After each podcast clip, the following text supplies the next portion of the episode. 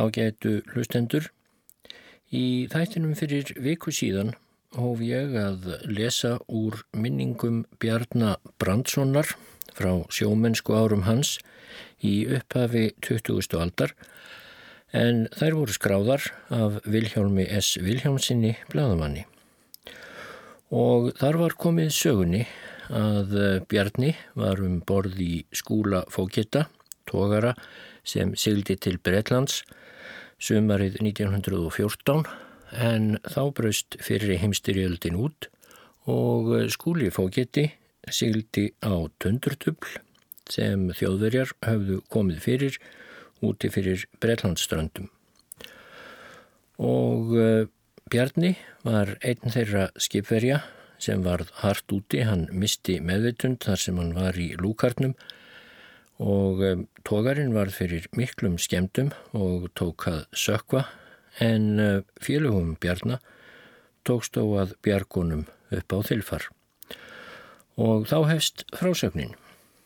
Ég var svo tekinn þar sem ég lafa á þilfarinu og settur fram í bátinn en skipsfélagi minn Einar Eiríksson var lagður ofan á mig og sést best á því að félagarnir hafa álitið mig vera dauðan. Eftir viðræður setna meir þóttumst við skilja hvaða hafi verið sem svifti mig meðveitund þegar ég var að reyna að komast upp úr lúkarnum. Mér fannst eins og ég hef áður sagt, ég verða fyrir eldsnöggu höggi og síðan myndi ég ekki neitt. Svo var mál með vexti að nokkru áður hafði verið skipt um ljósabúnað í skipinu og hafði það verið gert í Þýskalandi. Áður hafði verið gaslýsing í skúlafóketta en skipt var yfir í rafmagn. Við sprenginguna þegar við sigldum á heið Þýska tundurdöbl þá hafði allt sundrast í lúkarnum og þar á meðal rafmagstræðirinnir. Nú var ég ber á fótunum og eitt þráðurinn hafði vafist um fótinn og leitt í mig ströym áður en ljósafélinn stöðvaðist og ströymurinn rofnaði. En alltaf finnst mér það fyrðulegt að rafströymurinn þarna í sjónum skul ekki hafa gengið frá mér að fullu og öllu. Nú var skúli fókiti tekin að sökva og loks kvarfan í hafið. Fjórir menn fórust, allir úr lúkarnum þar sem ég hafi verið. Við Einar Eiríksson vorum þeir einu sem sluppum lifandi upp úr lúkarnum. Ég er hættur um að þessir fjórir félagar mínir hafi farist strax við sprenginguna. Ástæðan til þess að ég sá ekki neitt þegar ég komst til meðutundar var svo að það hefði blætt fyrir augun á mér og blóðstorkan lokað fyrir sjónina. Vitanlega var ég, þó ég væri komin til meðutundar aftur, tölvert ringlaður hugsunin ekki alveg skýr, en þetta lagaðist og ekki var ég neitt alvarlega slasaður nema á höfðinu og öðru auga. Þarna í nálægð var mikið af skoskum fiskibátum og tók eitt þeirra við okkur og höfðum við þá verið í okkar litla björgunarbát í eina og halva klukkustund. Brátt kom herskip á vettfang til að taka þá sem mest voru slasaðir. Um líkt leiti fjall ég í dá og mun það hafa stafað af tauga áfalli eftir styrjöldina við dauðan. Ég vissi svo ekkert af mér fyrir en ég vaknaði um borði í herskipinu við það að verið var að hella einhverju heitu ofan í mig. Þá var búið að þúa sárum mín og hreinsa augun og binda um höfuðuð á mér. Þegar ég leiti kringum mig, grilti ég í fólkið í kringum mig, einna helst eins og þar væru kvítar vofur og komst ég að raunum að ég sá aðeins með öðru auganum.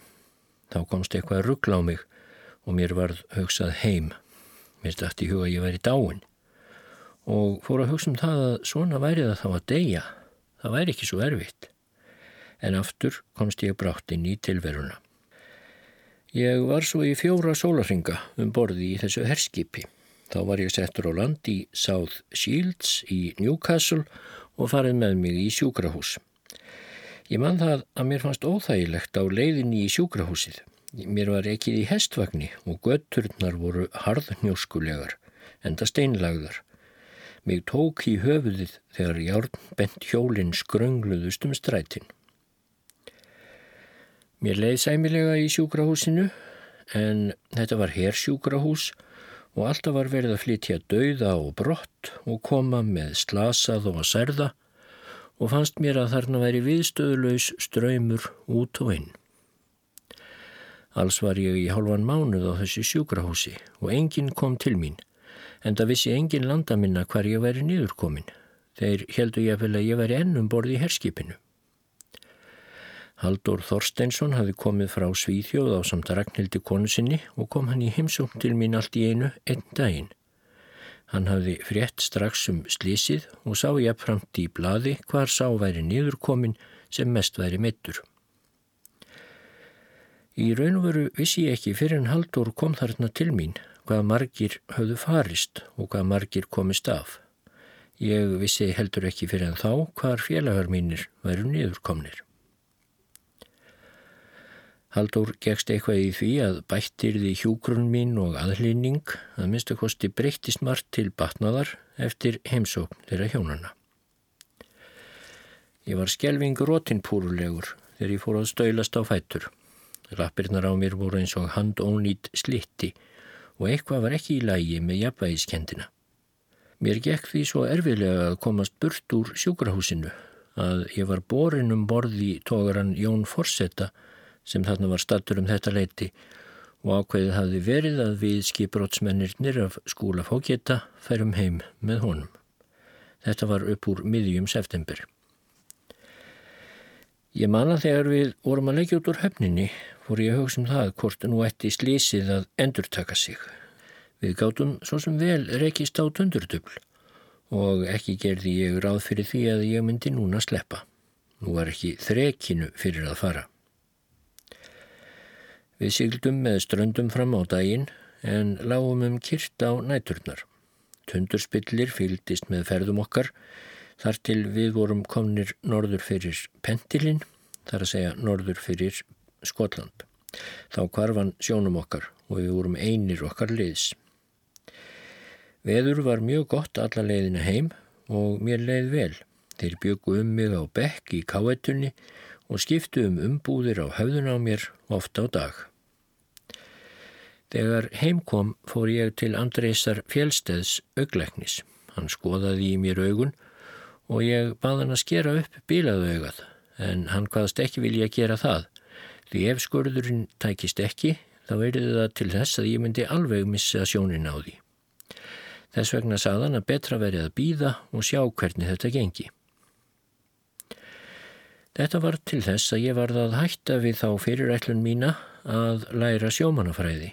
Ég hafði lagt nokkur dröga því og sótt skólanum skeið en sjónleysið stöðvaði mig nú á þessari braut. Eftir fjóra mánuði virtist ég vera búin að fá aftur fulla sjón en alltaf síðan hefur runnið óæðlilega mikið vatn úr verrauganu og ör eftir sárið frá auga út á kinnbein ber ég enn. Við eh, mistum vitanlega allt okkar dót sem verið hafðu um borði í skúlafókita og það var tilfinnanlegt í þá daga. Við fengum það nefnilega alls ekki bætt. Bætur fyrir missi fatnaðar og sjó komust ekki á fyrir en löngu setna. Við fengum þó fött í Englandi, ein fött hver. Ég veit ekki hver valdi þau eða borgaði þau, en margir vorum við skiprótsmennir ærið skringilegir á sindurum þegar við vorum búin að klæða okkur upp í múndiringuna því annarkort voru föttin allt of stór eða allt of lítil. Við vorum afskráðir sama dag og skipið sökk en kaup var okkur reknað þanga til við komum heim. Ég var nú heilt ári í landi eða rúnlega það. Ég fór heim til foreldra minna í Stikisólm og rýri þá um sinn með föður mínum. Aftur fór ég svo á tógara árið 1915. Ég munstraðist á á tógaran Baldur, 25 ára gammal en skipstjóri var Kolbeinn Þorsteinsson og enn geisaði styrjöldin og enn voru hætturnar allstaðar í leini. Árið 1915 áttum við Íslendingar hvorki meirinni minna en 20 tógara og við stunduðum sjóin af kappi, sigldum út með mikinn abla því ekki stóð á sjómanunum sjálfum að leggja lífsitt í hættu til að selja brettum fisk. Þannig gekk þetta til allt þetta ár og árið 1916 en upp úr því fóru að koma vomur á tógarægendur. Kafbátahernaður þjóðverja færðist sífelt í aukana og meðal okkar sjómana gekk svo saga að reyðaratnir eða útgerðarmennirnir vildu korki leggja skipin nýja líf mannana í hættu því slís voru nokkuð tíð. En ég held að þetta hafi verið miskilningur. Mér hefur verið sagt að lagt hafi verið að okkur Íslendingum að hálfu bandamanna og þá fyrst og fremst brettum og frökkum að við seldum þeim skipin okkar og að þeir hafi haft upp í áallanir um það að búa tógaran okkar út sem tundurdubla slæðara við Breitlandstrendur. En um þetta leiti var farið að ganga mjög á skipastól bandamanna vegna kafbátahernaðar og tundurdubla stríðs. Þá er ekki hægt að ganga fram hjá þeirri staðrind að skipin okkar voru að verða gömul og úr sér gengin og mun það hafa verið ofarlega í reyðurunum að endur nýja skipastólinn að þeir vildu selja gömulskip, losna við þau á hagkvæman hátt og kaupa sér síðan nýja tógara að styrjöldinni lokinni sem enn töldu að gæti ekki staði lengi enn. Ég hef hert að sagt að fulltrúi breyta hér Mr. Cable sem flestur réði hér í viðskiptum og atvinnuháttum á stríðsárunum hafi lagt mjög að íslenskum stjórnarvöldum og reyðurunum að þeir seldu skipin. Hvað sem þessu líður þá var það úr að tógararnir voru seldir og það voru frakkar sem taldir voru kaupendurnir. Tógararnir voru seldir úr landi í byrjun ársins 1917. 15 tógarar voru þá seldir en 5 áttum við eftir. Jón Forsetta sem var eignin útgerðar félagsins Allians og svo fjóra kveldúlstógara. Okkur sjómununum var mjög illa við að selja en það voru tækinn til lífsbjargar um leið hrifin úr höndum okkar. Þá var mikil urgur í okkur en það skamt síðan félagsmála starfið hófst, stopnun Hásetafélagsins árið 1915 og við vorum þá farnir að rýsa upp á að minnstakosti annað hnið í hagsmunabarátunni. Þá gengum við og í gegnum fyrstu eldskýrnina á árinu 1916. Það er að þá stóð fyrsta verkfall okkar. Sumir vildu ég vel halda því fram setna að sala tógarna stæði í einhverju sambandi við þetta uppáttæki okkar að stöðva skipin en það mun ekki hafa verið rétt. Já, það var urgur í okkur 1917 þegar við vorum látnir leggja skipunum hlið við hlið við örfyrirsæjargarðin. Það var hörmulegt upp á að horfa. Þarna stóðu sjómenn vörði yfir skipunum en frakkar höfðu ráðið sér trúnaðar og eftirlitsmann, Jessen, síðar vélstjóra skólastjóra og kom hann alltaf einu sinni á dag til að líta eftir. Á tilsettum tíma kom svo stort franst byrðaskip undir herskipa vernd og með því voru franskir sjómenn til að taka við tókurunum. Við stóðum á ströndinni og horfum blóðugum augum á flottan leggja ár höfn fyrir fullt og allt. Mæ og Ingólfur Arnarsson sigildu fyrstir. Þeir voru stæstir og fóru þeir vestur á Patreksfjörð og þar voru þeir búinir fallbissum. Áttu þeir svo að verja hópin fyrir árásum á leiðinni út. Alltaf þegar hljefarð á hjá mér þá fór ég vestur í Stikisholm til fóraldra minna. Ég fór þangað um leið og við lögðum niður vinnu 1916 og ég fór þangað líka þegar tógararnir voru seldir. En nú hafði ég í íms að snúast. Mér leist ákaflega vel á stúlku og ég kvæntist þeirri stúlku 1917. Gónan mín heitir Elín Jónasdóttir. Við hjónabandið greip mig kapp. Ég vildi fyrir alla muni komast áfram. Um áramótin 1917 til 18 réðst ég aftur á flutningaskipið Sterling. Þá hafði skipið strandað á Sauðarkróki en losnað og var nú í Reykjavík. Fróður menn þóttust hafa kynnt sér ástand þess svo vel að það myndi komast til Danmerkur en þar þurfti að taka það til viðgerðar. Þetta var frostaveturinn mikla þegar höfnin var hel frosinn og ís spöngin náði langt út fyrir eigjar. Sterling var frosin inni og það þurfti því að saga okkur út úr höfninni. Dægin sem við áttum að leggja úr höfn var 31 stygg skattur og það er mesta frost sem ég hef lifað um mína daga. Þegar ég kom um borð leiti ég út á flóan og ekki gæti ég betur séð en að ísbreiðan væri endalus alla leið upp á skaga. Ísin var mjög þykkur út fyrir engei Eldsnemmum morgunin komu verkamenn með miklar íssægir sem fengust í slipnum og unnu þeir lengi að því að saga fyrir okkur rennu en þegar ísin fór að þinnast þótti sínt að skipið geti sjálft rutt sér leið út á rúmsjó. Skipið var fullt af farþegum, meðal þeirra var Hannes Hafstein, ráð þeirra og var hann mjög sjúkur.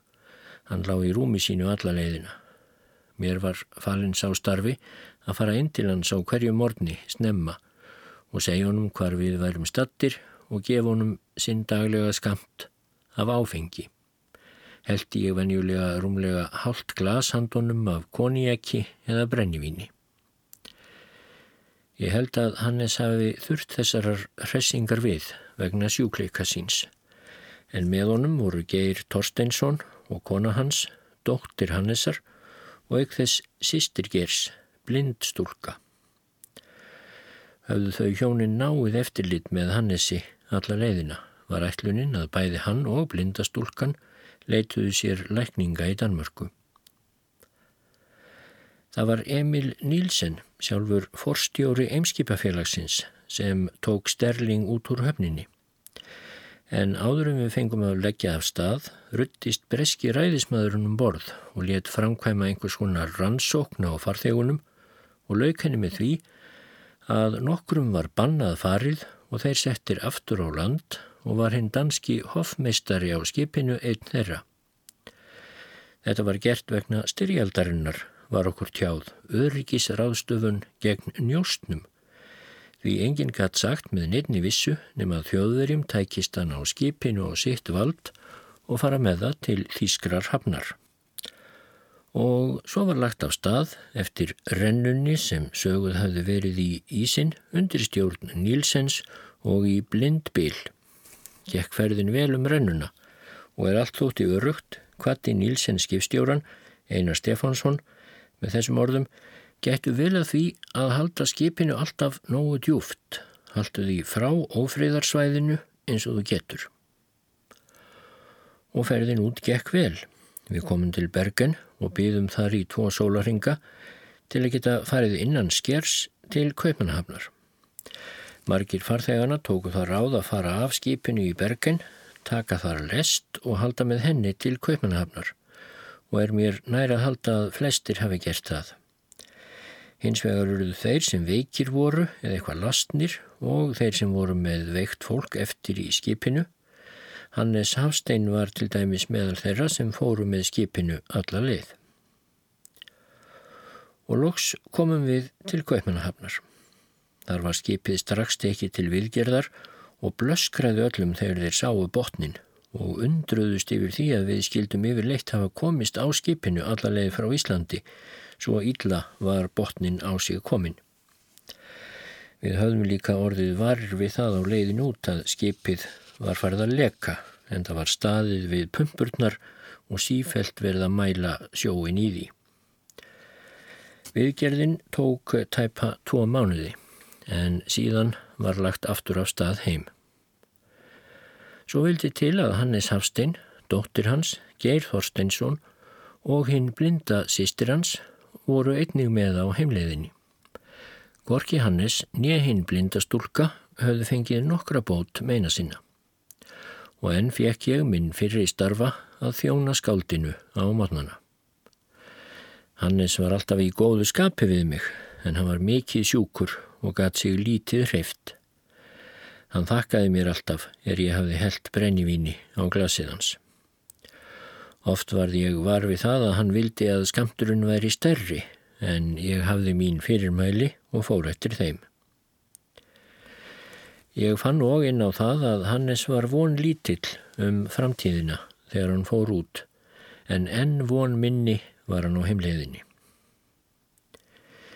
Við vorum ekki langt á leið komnir heim þegar Þýskur kafbátur stöðað okkur í Kattegat.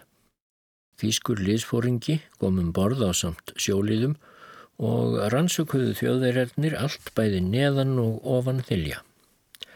Með okkur var Pétur Brynjólfsson ljósmyndari.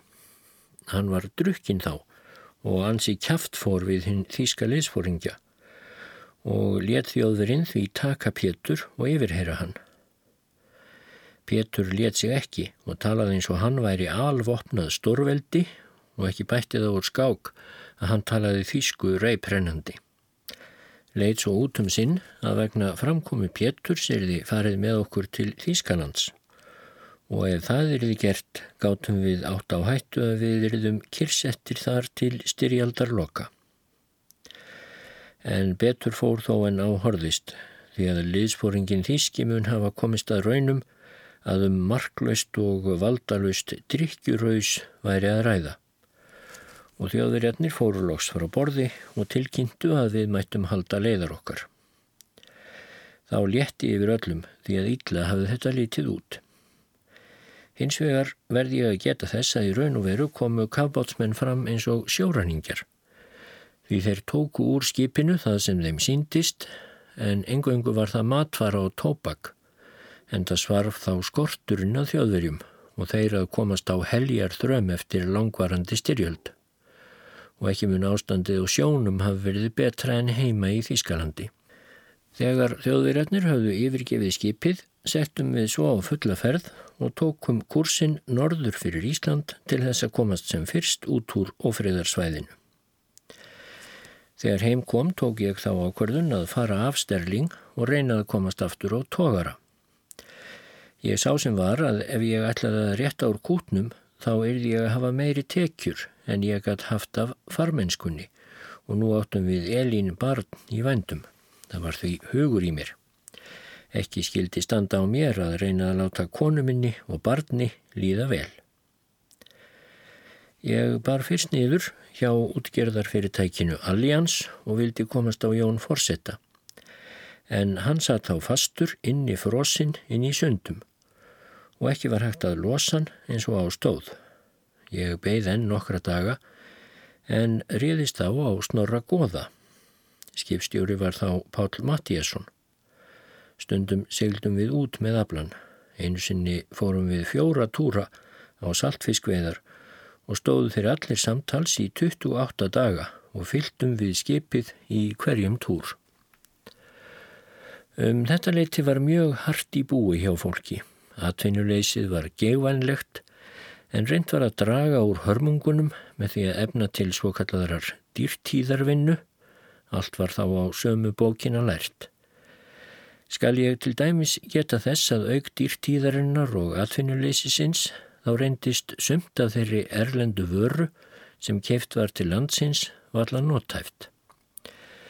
Minnist ég þess til dæmis að kólinn reyndust full af sandi og mold svo að valla var hægt að kinda upp með þeim, korki á sjó nélandi. Mjög bætti þó úr þegar frönsk skip komi hingað með kól handa skipunum svo þau getur verið á síldveiðar þetta sumar 1918. Um höstið, setni hluta oktobermánadar, stóð svo á að við vorum albúnir að leggja afstæði í söluferð til Englands. En þá kom fréttum að þýskur kafbátur hefði skotið tógaran njörð í kaf við Írland. Allir mennir um borð höfðu bjargast eftir tvekja sólarhinga rakninga á hafinu og höfðu þeirra lokum komist um borð í breskan tógara. Þegar þessi frétt barst þá ákvað Pál Mattíasson skipstjóri að sykla ekki út með skipinu og bara það fyrir sig að kona hans aftæki það með öllu veit ég og að það var rétt. Það var því úr að Bergur Pálsson stýrimaður sigildi með skipið út. Við vorum 11 á útsiglingunni. Ferðin gekk vel og við seldum aflan. Átta af skiprótsmönnunum af nyrði höfðu beðið eftir okkur og tókum við þá með heim. Þeir voru allir að einum undanteknum vornir veikir þá þegar af spönsku veikinni. Nokkrir okkar skipverjana á Jóni vektust á leiðinni heim og einn dó Við komum svo hinga til Reykjavíkur um klukkan nýju um kvöld í svarta myrkri. Það voru allir um borð, orðnir veikir af spönsku veikinni, nema fjórir. Þar á meðal var ég. Ég kendi mér einskís meins. Við lögðumst fyrir akkeri framundan kveldúlsbryggju og flautuðum, hægt og rólega til að byrja með, en því ákafar sem lengra leið, við að enginn gerði vart við sig. Þannig leiði tíminn til miðnættis eða rúmlega það og þótt okkur undarlegt að enginn skildi láta sjá sig til að taka á mót okkur. Loks tókum við það ráð að baksa út báti og rérum við svo þrýr til lands, Bergur skipstjóri, ég og hásetti, en einn hásetti, sá eini sem frískur var í skipinu fyrir utan okkur þrjá, varð eftir um borð til að hlinnað hinnum sjúku. Við rérum beintað kveldúlsbryggjunni en urðum ekki varir við neinar mannaferðir. Við byðum um stund á bryggjunni en bundum síðan bátinn. Við bergur ákvaðum að fara heim til okkar en hásettinn var eftir hjá bátnum. Ætlum við bergur rétt að skreppa heim og reyna að fá menn til að hjálpa okkur við að koma öllum hinnum sjúku á land og ætlum við alls ekki að dvelja lengi. Ég gleymi aldrei gönguferð minni um Reykjavík þessa nótt. Það var eins og allt líf væri sloknað. Óvíða sá ég týru í glugga. Allt virtist svart og kallt og það fór um mig ónóttakend. Ég vissi þá að pestin hafði komist í algleiming meðan við vorum í siglingu en ekki gæti ég gert mér í hugarlund að ástandið væri eins hörmulegt og það var. Ég kveið fyrir því að koma heim. Kona mín hafði þá eignast són og ég ótaðist fyrst og fremst um líf hans svo lítill sem hann hafi verið úr veikburða þegar ég fór. Þá hafði mér fundist hann svo smár og viðkvæmur að ég mætti ekki koma við hann með minni hrjúfu sjómannshönd. Lók sá ég mann og hljópt til hans. Þetta var Jón Otti, skipstjóri. Hann saði mér frá ástandinu í Reykjavík. Fólk lægi sjúkt í nærri hverju einasta húsi í bænum. Fólk hrindi niður og ekki hefðist undan að koma því í jörðina.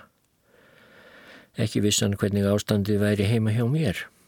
Ég sá hann um hvernig ástætt væri um borð í tógarannum okkar og lofaði hann að koma og hjálpa okkur.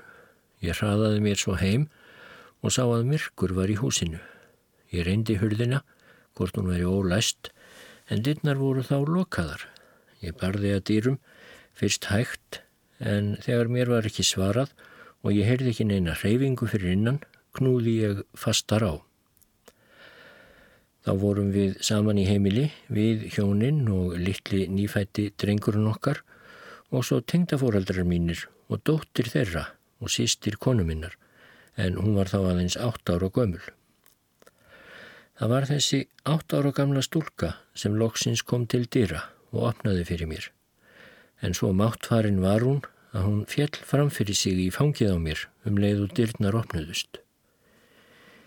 Hinn fjögur voru öll mikið veik og aðlýningar lítil og let ég það verða mitt fyrsta verk að fara í apotekið og sækja meðul og reyna að útvöga mjölk handa litla drengnum að drekka.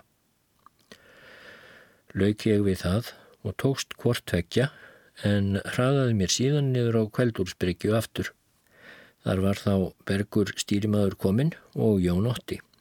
Bergur hafði fyrst farið heim til sín rétt eins og ég, og hlúðað sínu fólki sem veikt var, en síðan hafði hann farið heim til útgerðarmannsins Tors Jensens og þá var allt fólkið á því heimili veikt, hjónin og bönnin, að undanskildum síni Tors Rikkard.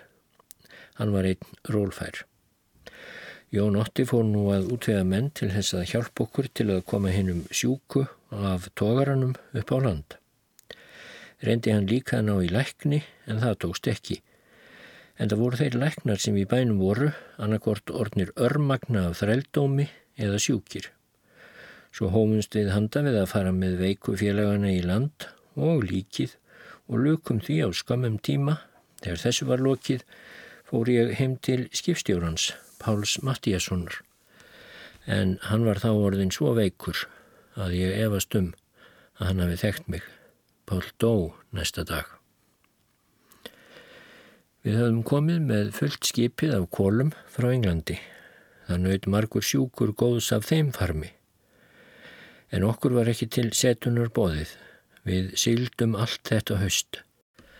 Það mun svo hafa verið 11. november þegar við vorum stattir 20 til 30 sjómílur frá Sandi Kildu, einni Suðureyja, vestur af Skotlandi, að við sáum þískan kavbát koma úr djúpunum og hafði hann kvítan fána að stöng.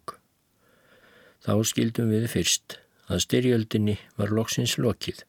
Þetta var opnallést dagurinn. Þá varð mér að orði, nú ætti maður skilið að fá að fara aftur á, láta sjóðandi te í fant og hella miklu af einhverju sterku út í það. Þannig slaknaði á taugunum hjá manni og ég held satt að segja að mér hafi orðið að óskminni í þetta sinn. Það mun hafa verið við landkenningu nokkru fyrrum höstið sem við sáum allt í einu bregða fyrir björtum lifturum uppi yfir landinu. Við munum þá hafa verið 250 mílur til 300 mílur frá Íslandi á leið úr siglingu. Þetta var þá eldfjallið Katla að gjósa. Þegar myrt var voru lifturinn rauð en þegar bjart var voru þau kvít. Þessi liftur sáum við líka þegar við vorum setna út af Patræsfjörðarflóa á veiðum. Og þannig held þetta áfram ár eftir ár. Ég var alltaf á tókurum. Þar á meðal var ég á agli skallagrimsinni með Sigurði Guðbrandsinni. Á þessum árum voru tókarinnar á síld á sumrin en ísfiskveiðum eða saltfiski á vetrum. Það mun svo hafa verið um áramótin 1924 og 25 sem ég fór aftur á Jón Forsetta. Ég var á Jóni í halaveðrinu mikla. Það skall á setni hluta lögardags 7. februar 1925. Þá vorum við nýkomnir á miðin frá Reykjavík og vorum að byrja veiðar. Veðrið skall á eins og hendi væri veifað. Þarna var mikill fjöldi tógara, bæði erlendra og innlendra. Áttin var á norðan og blind bílur með hörku frosti. Veðurhæðin fór sífælt vaksandi. Skifstjóri okkar, Kolbjörn Þorsteinsson, kallaði allt í einu að við skildum takk upp trollið en gera það lauslega því hann ætlaði að kippa grinnra. Hann held að þetta væri bara hriðja. En við komumst aldrei niður því veðrið ógs með undraverðum hraða og bílurinn varð æsvartari. Við lögðum til og heldum upp í og reyndum að forðaða skipin eftir mætti með því að halda sjó. Ég held að það hafi verið snemma á sunnundagsmorgunin sem við fengum á okkur ólag. Það bringlaði allt fyrir okkur, tók bátinn og braut brúna svo að engin rúða var heil eftir í henni og ljóskirinn hörfu. Samstundis hálf fylti lúkarinn og brúna. Svo mikil var frostharkan að maður blindaðist ef maður stóð gengt veðrinu og það fröys næstum því fyrir vitin á okkur. Þó að allar rúður væru úr brúnni var snjókoman, særókið og frostið svo ákaft að það fröys fyrir opna glukkana á ótrúlega stöttum tíma. Þá fór og utanborðstrollið og óttuðumst við mest að það lendi í skrúfunni en það hefði þá ekki verið að sökum að spyrja hefði þannig farið því þá myndi skipið einfallega hafa farist. En skipið rak nú beint í vestur út af Patrísfyrði þegar við komum að Látrabjergi sáum við hvar tókarinn Hilmir slagaði og var hann búin að missa bæði bátadekk og afturmastur. En veðrið tók nú að læja um síðir og við heldum beint til Reykjavíkur en það ósjófærir eins og komið var. Smátt og smátt fóru skipin að koma inn, öll meirum minna brottin og löskuð. Maður beigði ofvæni eftir hverju skipi og þá var fylst vel með skipakomum. Lóks vantaði aðeins töðeira, Leif Heppna úr Reykjavík en skipstjóri á honum var Gísli Oddsson en á Leifi voru 33 menn og svo vantaði enskantógara sem gerður var út frá Hafnarfyrði, Marsjál Robertsson, en á honum var skipstjóri Einar Magnússon og á skipinu voru 35 menn. Bæði þessi skip hafðu farist í halaveðrinu og með þeim 60 og 8 menn. Þetta var þá mesta mannskaða veðrið á þessari 20. öld og að líkindum stendur það með ett enn. Ómegðin hafði þá vaksið hjá okkur hjónunum. Við höfum eignast fjögur börn. Það síðasta fættist árið 1926. Þá var mikið atvinnuleysi í landi og hörmungar ástand hjá fólki. Ég var alltaf á sjónum og við komumst af eins og það var kallað en allt var það spara. Ég þóttist ekki draga af mér nýja sleppa neinu tækifæri og konan mín annaðist heimilið og börnin af frábæri ráðdeild og kostkefni. Það fór ekkert í súgin hjá okkur. Hinn 2003. februar árið 1926 lagði Jón Forsetti af stað úr Reykjavík og ætlaði að fiska í salt. 25 menn voru á skipinu. Skipstjóri á Jóni Forsetta var þá Guðmundur Guðjónsson. En hann var ekki með skipið í þessum túr heldur fyrsti stýrimaðurinn Magnús Jóhansson. Fyrsti vélstjóri var Skúli Skúlason og matsveitn Stefán Árnason en 15 ára gammal sonur hans var honum til aðstóðar. Ég var bátsmaður og hafði þá verið það lengi. Við heldum beint á Selvóksbanka en fengum þar ekki bein úr sjó svo við fórum þaðan í jökuldjúpið. Þar fengum við aðeins reyting fyrst en svo datta niður. Sent á sunnudagskvöld tókum við upp og ákveðið var að halda aftur á Selvóksbanka og vita hvort ekki hefði glæðist þar veiðin. Þókudumbungur var og sáum við alls ekki til lands. Ég fór í kóju um líkt leiti og haldið var frá jökli og átti ég að koma á vakt um miðnætti. Ég svaf vel og kom á vakt á réttum tíma.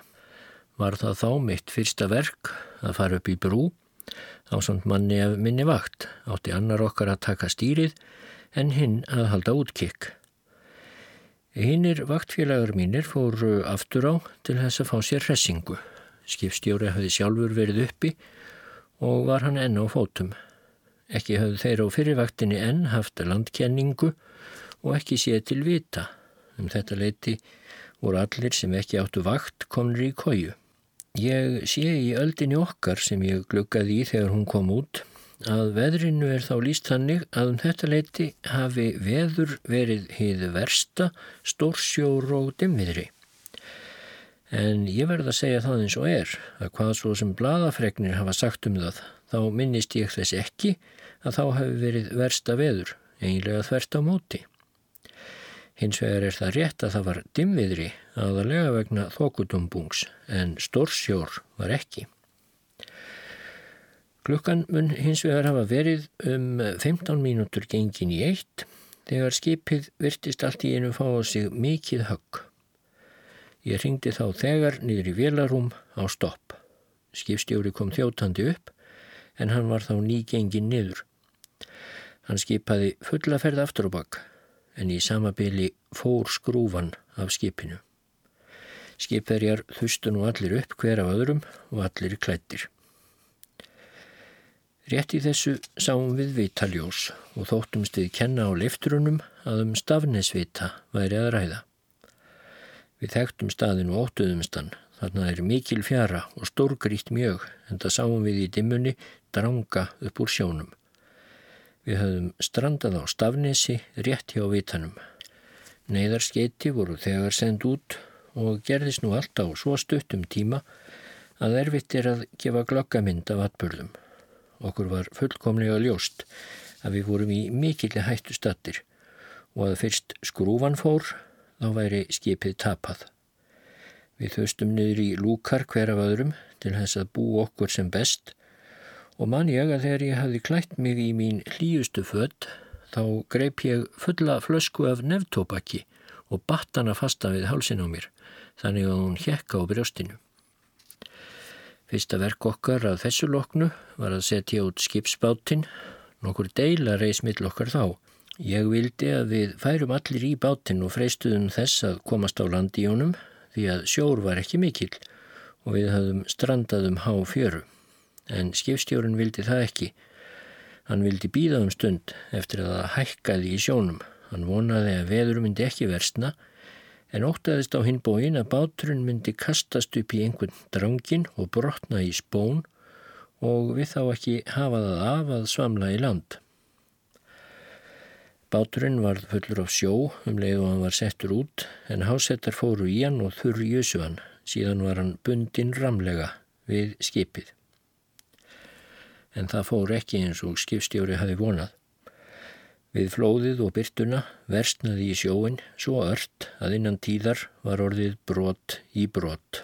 Þá kallaði skipstjóri að nú væri svo komið að hver og einn er því sjálfur að taka ákvarðunum það hvar hann vildi vera, á kvalbaknum eða í brunni. Við lendum margir saman á kvalbaknum en við vaksandi sjó flúðum við af honum og upp á vandin eða upp í reyðan en á hann var baujanbundin og lágum við flestir utan í henni. Skifstjórin og yfirmenn á samt nokkrum fleirum fóru í brúna. Áður en við gengum þannig frá okkur til björgunar fór vélstjórin niður og gekk frá eldinum til þess að reynaðu komið vekk fyrir ketilsprengingu. Veðrið fór versnandi og sjórin ógs stöðugt. Nú var farið að lýsa af degi og innan lítillar stundar verðum við varir við skip sem voru að koma á vettvang. Fyrstur kom tógarinn Gilvi en síðan kom Ver og loks Tryggvi gamli en þeir komist ekki nálat okkur og gáttu ekkert aðgert. Tryggvi gamli dældi lísi eða ólíu í sjóin til að reyna að lækka breymið en austur ströymurinn sem var mjög stríður tók ólíuna svo hún komst aldrei allarleið til okkar. Rétt aðurinn skipin fóruð að koma, urðum við varir við mannaferðir á landi Þeir voru þar með bát, lítinn bát en þeir virtust ekkert geta gert en það þóst sannfærður um að báturinn myndi brotna í spón ef þeir freystuðu þess að komast út til okkar. Og nú fórum við að týna tölunni.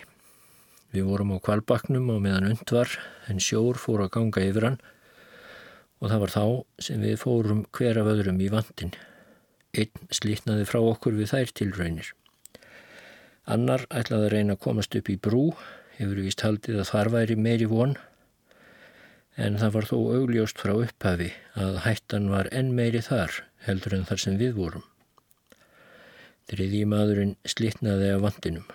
Sá fjórði slitnaði einnig af honum en okkur tókst að ná í hann og bindan hjá okkur. Okkur leði svo sem ekkert illa þarna í vandinum nema þeim neðstu, við lágum mishátt í sjónum eins og gefur að skilja og ólögin skullu á þeim neðstu. Ég var meðal þeirra, ég fór hvað eftir annað á bóla kaf en skók hausinn þegar ég kom upp úr rótinu og tók í nefið. Við vorum með baukan okkar og réttum hver öðrum. Þegar búið var úr þeim þá hendum við þeim því við vildum ekki vera með á í höndunum. Eftir að neftópakið var þróttið úr baukunum kom tópaksflaskan sem ég hafi bundið um hálsin á mér í góðar þarfir. Það var gott að hafa neftópakið. Og enn ógsveðrið, flóðið og brímið, særókið var orðið svo mikið að við rétt grilltum upp á grítaströndina, allt í innu reið ólag yfir skipið og faldi þess kom björgunarbáturinn. Við óttuðumst mest að hann myndi annarkvort lenda á brunni og mölvana mélinu smerra eða þá okkur sem hengum á vandinum en hann fór í spilið og fór í mask. Þá var súleið til björgunar úr sögunni. Og annað ólag kom sínu starra en það sem hafði kastað bátnum á spilið. Það tók af reikháfin og í sama ólagi fór brúin og þá fórust nokkrir. Síðan tóku ólögin hvern af öðrum af þeim sem þar höfðu verið, þanga til engin var eftir í brúni. Sumir þessara manna náðu sundtökum og reyndu að synda út úr bríminu og tók stöð næstum því. En svo tók ströymurinn þá. Hann var mjög strangur og hann barði á austur á bógin og síðan út á opið haf. Ég geimi margar augnabliksmyndir frá þessum fáu mínútum. Allir voru þeir í björgunarvestum úr korki og flutu því vel en þeir réð ekki við ströymin ef til vil sukku félagarnir ekki á réttum augnablíkum. Það mátt ekki muna broti úr sekundu.